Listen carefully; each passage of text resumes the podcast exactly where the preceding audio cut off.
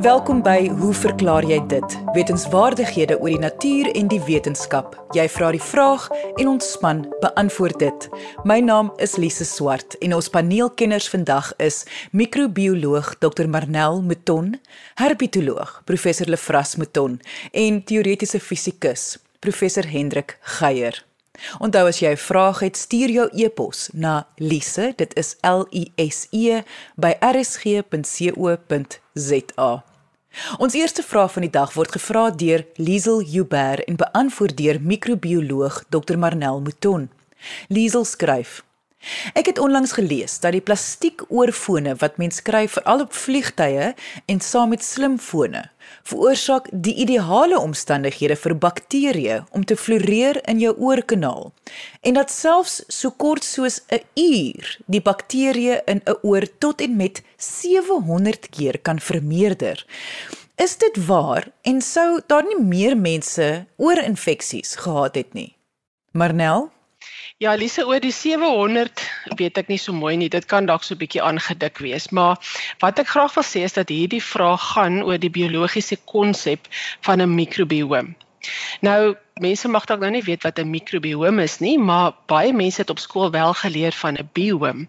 Ehm um, en dit is as ons 'n biom moet definieer, kan ons sê dat dit die plante groei is van 'n bepaalde area, gewoonlik topografies, saam met die geassosieerde diere, fungi en mikroorganismes wat daar woon.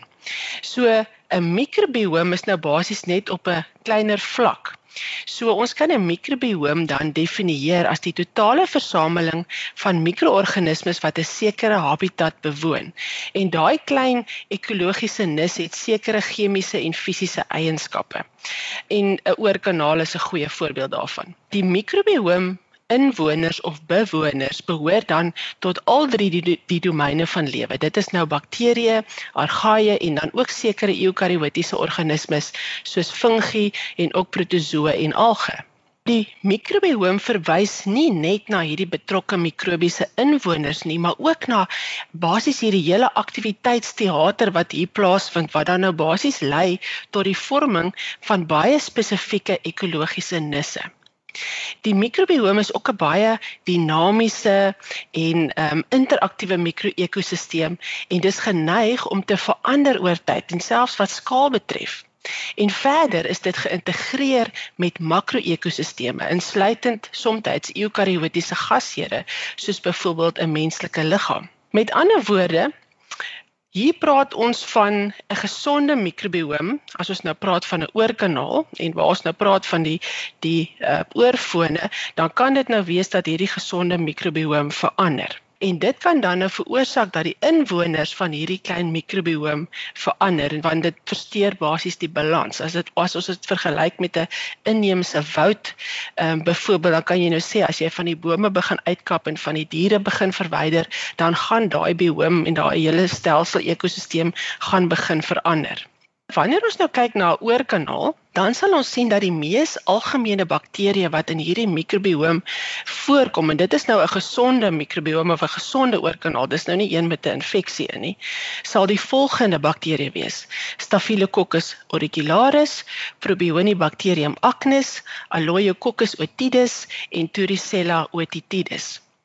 Nou navorsing het ook bewys dat hierdie oorkanaal mikroorganismes of mikrobiota van individue kan verskil van mekaar. En dit lyk ook asof allerlei uh, menslike gebruike soos die skoonmaak van ore ook 'n effek hierop kan hê.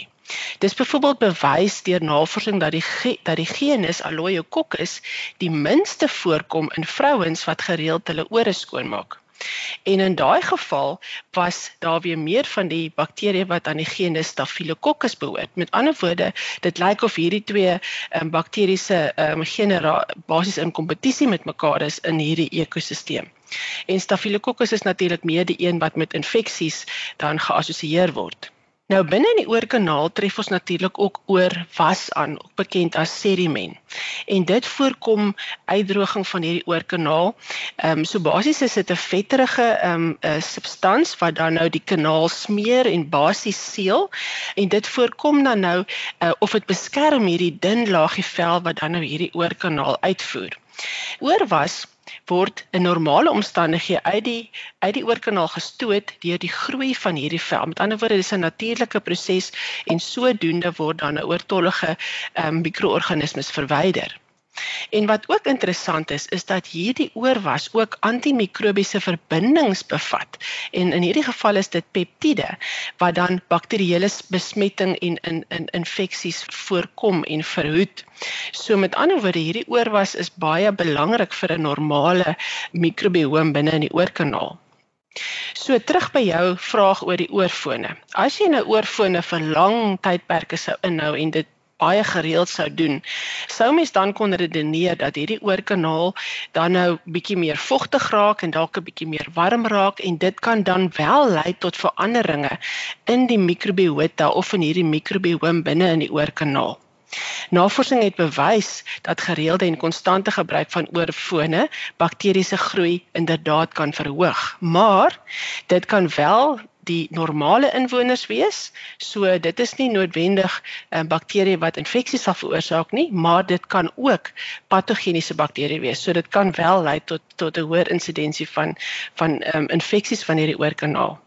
Wat die navorsing ook bewys het, is dat dit nie 'n goeie idee is om jou oorfone met ander mense te deel nie, want dit kan lei tot die oordrag van een van bakterieë van een oorkanaal na 'n ander persoon se en soms is dit dan 'n normale, nie patogeniese bakterie, maar dit kan ook wel patogeniese bakterie wees wat wel infeksies kan veroorsaak. So dis nie regtig 'n goeie idee nie. Wat hulle ook wel ook vasgestel het is dat die konsistensie van jou oorwas ook kan bepaal of jy geneig sal wees tot infeksies van hierdie oorkanaal of nie. Nou dit is 'n genetiese feit dat jy oorerf wat die konsistensie van jou oorkanaal se se kan ek ek wil amper sê meer vloeibaar of minder vloeibare weergawe is. Nou die meer vloeibare weergawe van oorwas uh, word dan ook verbind met hoër insidensie van infeksies van hierdie oorkanaal. Met ander woorde, hier gaan dit oor die mikrobioom en die gesondheid van hierdie mikrobioom en dit gaan dan ook gepaard met 'n gesonde oorkanaal as ek dit so kan stel. Met ander woorde, dit is 'n fyn balans wat hierso wat hierso heers. Jy sou nou gehoor het ek praat hier van normale inwoners van jou oorkanaal en dan nou indringers, patogeniese bakterieë. Hmm. En 'n probleem wat hier ingekom het is dat oor die eeue, soos wat ons nou weer sien met COVID, is die mensdom getuister deur allerlei siektes. En met die die persepsie ontstaan dat mikroorganismes amper gelyk is aan infeksie en siektes. En dit het ook dan gelei dat die veld van mediese mikrobiologie baie vinnig gevorder het, eintlik baie vinniger as baie ander velde. Nou uitgebreide navorsing gedurende die afgelope eeu het egter getoon dat slegs 'n klein persentasie van mikroorganismes organismes geassosieer word met siektes of die vermoë om siektes te veroorsaak. En dat die oorgrootste meerderheid van mikrobes baie noodsaaklik is vir die funksionering van ekosisteme. Dit is nou op makrovlak, maar ook op mikrovlak.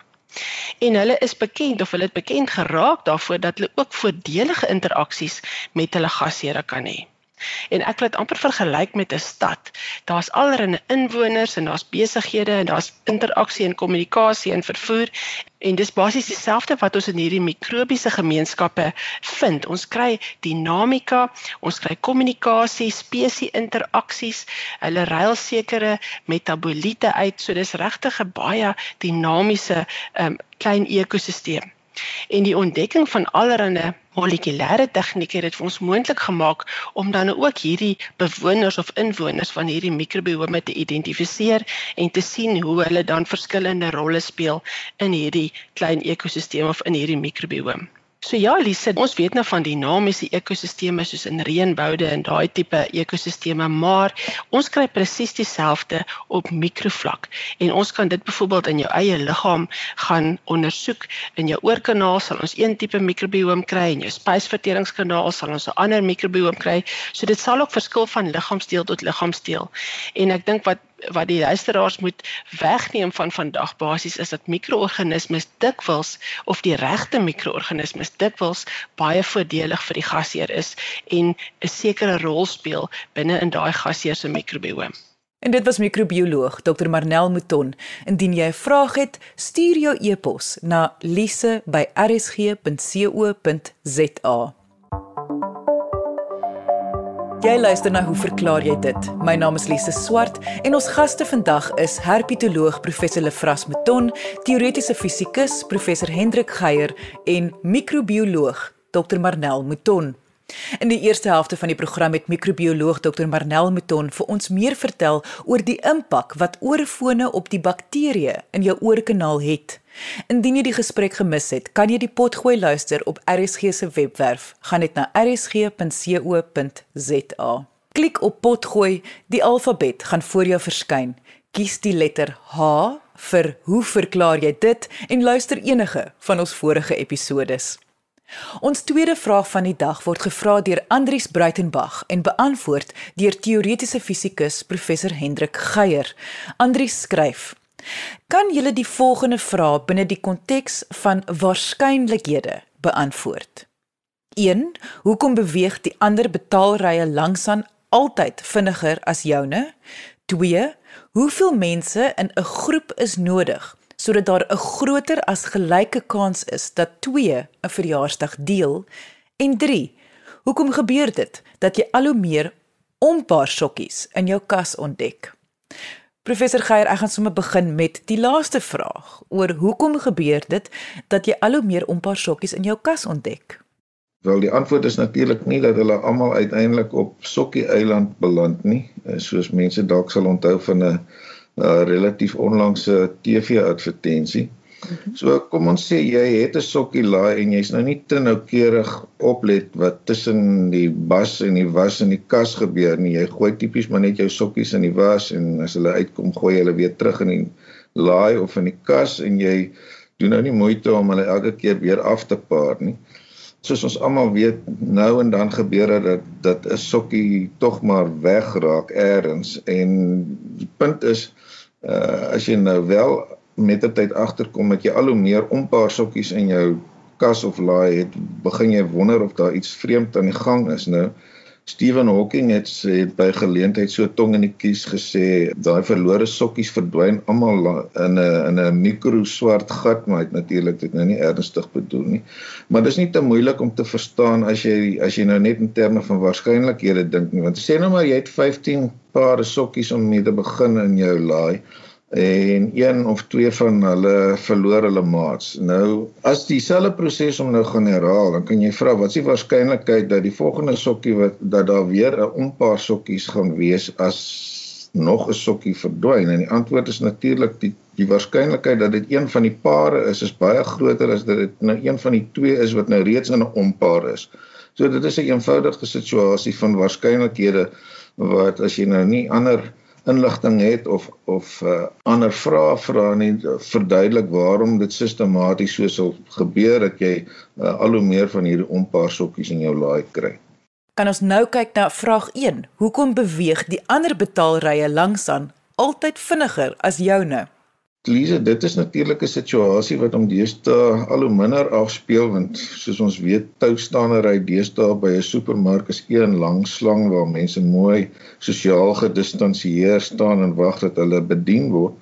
Uh, maar as 'n mens nou weer teruggaan na die die, die situasie waaraan ons aangewoond was, naamlik jy kom aangestap om te betaal by die supermark, daar's 3 of 4 rye wat jy uit kan kies. Hulle lyk vir jou almal min of meer ewe lank en jy maak nou maar jou keuse as jy nou nie veel ander inligting in jou besluit inklits nie. Dit nou redelik ewe kansige besluit. En dan begin die irritasie toeneem soos wat jy agterkom een van die ander rye of meer van die ander rye beweeg vinniger as joune. En weer is dit 'n kwessie van waarskynlikheid want as jy 1 uit 3 kies, dan beteken dit kanse dat joune die vinnigste gaan beweeg is 1 uit 3 of is dit 1 uit 4 is dit nog laer. Uh, so dis 'n kwessie van waarskynlikheid gekoppel uh, met uh, wat mense kon noem selektiewe geheue. Daai irritasiefaktor beteken dat jy onthou baie meer die situasies waar die ander rye vinniger as joune beweeg het. Uh en die die som totaal van die waarskynlikheid en jou geheue ervaring van die situasie bring mee dat waarmee jy sit is eintlik die gewaarwording dat die ander rye altyd vinniger as joune beweeg. En kan ons dan kyk na Andri se laaste vraag. Hoeveel mense in 'n groep is nodig sodat daar 'n groter as gelyke kans is dat twee 'n verjaarsdag deel? Ja, dit is nou baie dieper in die in die waarskynlikheidsberekening in Lise en die die antwoord is eintlik verrassend laag, naamlik 23. So die stelling is As daar 23 mense of meer in 'n groep is, is die waarskynlikheid meer as 50% dat twee van hulle 'n verjaarsdag gaan deel. 'n Mens moet natuurlik nou besef dis nie 'n stelling oor 'n spesifieke dag nie en dit is net 'n stelling oor een paar van hierdie groep wat die verjaarsdag potensieel gaan deel dit is miskien makliker om 'n greep op hierdie berekening te kry as 'n mens uh, nie van van eerste beginsels af gaan probeer bereken nie, maar as jy hierdie getal 23 nou op sigwaarde vat of as 'n uh, 'n stelling wat iemand maak hieroor en dan probeer bereken wat is die waarskynlikheid dat nie een van hierdie 23 mense 'n verjaarsdag met enige van die ander gemeenskaplik het nie. En dan kan 'n mens die sommetjie eintlik redelik maklik maak want jy kan sê kom ons sit hulle in 'n ry, dan vra ek wat is die kanse dat die tweede een in die ry nie dieselfde verjaarsdag as die eerste een in die ry het nie. Nou daar's 364 dae waarop dit waar gaan wees. So die kanse dat nommer 2 nie dieselfde verjaarsdag as nommer 1 het nie is 364 op 365. En as mens nou na nommer 2 gaan kyk en vra wat is die kanse dat die persoon nie 'n gemeenskaplike verjaarsdag het met nommer 1 of nommer 2 nie, dan staan nou nog 363 dae uit die 365 oor. En soos ons weet as 'n mens nou met waarskynlikhede werk wat onafhanklik van mekaar is, kry jy die uh, uiteindelike waarskynlikheid deur al hierdie verskillende waarskynlikhede met mekaar te vermenigvuldig. So as ons nou so op die ry afgaan, van 365 as ek nou 23 aftel kom ek uiteindelik by nommer 343 en die kans dat die persoon nie met enige van die ander 22 uh, gemeenskaplike verjaarsdag het nie is 343 gedeel deur 365 en as ek dan nou die waarskynlikheid gaan bereken dat nie een van hulle 'n verjaarsdag deel nie, dan vermenigvuldig ek al hierdie goed met mekaar. Met ander woorde 365 maal 364 maal 363 tot en met 343 gedeel deur 23 keer 365 en as mens daai sommetjie maak dan kry jy 0.493. Dit is die waarskynlikheid dat hulle nie 'n verjaarsdag deel nie. Met ander woorde die kans dat hulle wel 'n verjaarsdag deel is 1 minus 0.493. Dit wil sê so bietjie meer as 50%. En dit is verbasend hoe vinnig hierdie syfer opgaan as 'n mens vra wat is die waarskynlikheid dat in 'n groep van 40 twee van hulle dieselfde verjaarsdag het, kom jy by 89% uit. En as jy by 70 is, is die waarskynlikheid al 99,9% dat twee van hulle 'n verjaarsdag deel. So ek dink die kort boodskap is daar is as 'n mens in terme van waarskynlikhede dink en des te beter as jy as jy hulle kan bereken, kom 'n mens nogal tot goeie insigte oor hoekom dinge rondom jou gebeur soos wat jy hulle waarneem. Dit was teoretiese fisikus professor Hendrik Geier. Dit is nou tyd vir ons kitsvraag van die week wat deur herpetoloog professor Lefras Mouton beantwoord word. Lefras, hoe verklaar jy dit dat slange kan asemhaal terwyl hulle groot prooi insluk? Nou, Lefras, alhoewel dit nou die vraag is, moet mens seker en dis meestal omdat ek wil weet, eers vra hoe 'n slang dit hoegenaamd reg kry om sulke groot prooi heel te kan insluk. Lisa, ja nee, ons ons weet mos dan nou slange kan baie groot goed insluk. Ek dink nou maar aan 'n luislang. Ons weet 'n luislang kan 'n aapie insluk en tot 'n klein bokkie. Daar is spesifiek twee anatomiese eienskappe van slange wat die insluk van groot prooi moontlik maak. Eerstens Die onderste kaakhelftes van slange is met 'n elastiese ligament met mekaar verbind en die twee helftes van die kake kan nou van mekaar af weggetrek word sodat die mondopening baie groot oopgerek kan word. Tweedens, slange besit nie 'n skouergordel nie. Dit is mos nou daardie stel bene waarmee die voorste ledemate van landwerweldiere met die aksiale skelet artikuleer. By ander landwerweldiere sal hierdie stel bene die deurgang van groot prooi nou dis nou deur die slukdarm blokkeer, maar by slange kan die skouerwyk nou lekker wyd ooprek en groot prooi kan nou deurgelaat word. Nou om groot prooi te kan insluk, moet slange natuurlik aan staat wees om sulke prooi eers te kan immobiliseer sonder om self nou in die proses beseer te word. Baie slange, die sogenaamde constrictors, draai blitsnel 'n lang soepel lywe om die prooi en begin dan om die prooi dood te druk. Ander slange gebruik weer gif om die prooi skadeloos te stel. Daar's natuurlik ook ander faktore wat 'n rol speel om die insluk van groot prooi moontlik te maak. Groot hoeveelhede speeksel word byvoorbeeld tydens die slukproses afgeskei om die prooi nou lekker te smeer sodat dit maklik in die slukdarm kan afbeweeg. Aanvanklik word ook die tande van die bokaak Dis nou van die slang gebruik om die prooi in die mond in te trek en dan geleidelik neem kragtige peristaltiese spiersamentrekkings natuurlik nou oor om die prooi dan nou verder in die spysverteringskanaal af te voer. Dit is eintlik ironies dat die verlies van ledemate en die gepaardgaande evolusie van 'n verlengde liggaam slange sekerlik die mees suksesvolle groep landpredatore gemaak het wat ons dan nou vandag op die aarde kry. Jy luister na Hoe verklaar jy dit op RSG 100 tot 104 FM. Maar hulle vra, hoe haal hulle dan asem? Terwyl hulle prooi insluk want wanneer hulle 'n groot prooi insluk lyk dit nie of daar baie spasie is vir lug om nog ook in te beweeg nie. Ja, Lise, baie slange snaaks genoeg het net een long.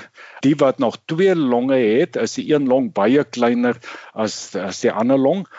Die longe is baie lank en strek oor die hele lengte van die liggaam. Nou nie in die stertie, maar in die voorste deel van die liggaam.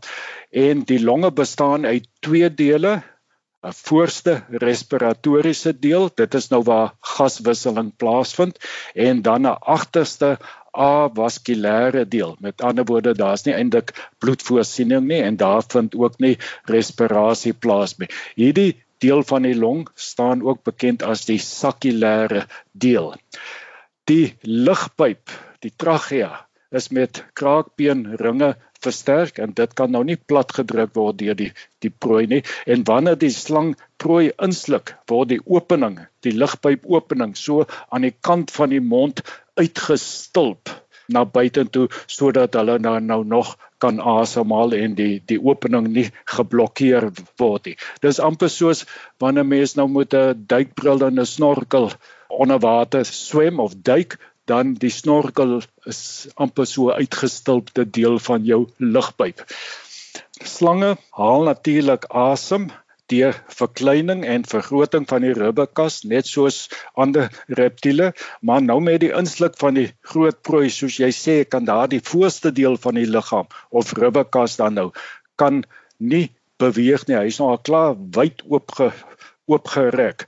En dit is nou juist daardie deel waar die respiratoriese deel van die long geleë is en dit kan dan nou nie vergroot en verklein nie. Maar verder na agter, want die longe strek mos nou ver na agter, daar's ook ribbebene en daardie deel van die liggaam kan nog wel beweeg oop en toe of vergroot en verklein word en daar kan dan nou drukverskille ontstaan en die sakulêre deel van die long gaan dis nou ook vergroot en verklein. Dit het dan nou 'n pompaksie tot gevolg wat dan nou lug sal intrek in die longe en hierdie lug gaan dan nou in daardie voorste respiratoriese deel van die long beland en natuurlik daar kan gaswisseling dan nou plaasvind. So dit kom daarop neer dat as slange nie sulke lang longe gehad het nie, dan sou hulle baie groot probleme gehad het om te kan asemhaal. Maar gelukkig nou die, die agterste deel het gewoonlik dan nou nog nie probleme terwyl die prooi ingesluk word nie en dan kan hulle help met die asemhaling. Dit was herpetoloog professor Lefras Meton. Indien jy 'n vraag het, kan jy jou e-pos stuur na lise@rsg.co.za. Ek sê baie dankie aan ons kenners en vraagstellers vandag. Lekker dag verder tot volgende week net hier op RSG. Totsiens.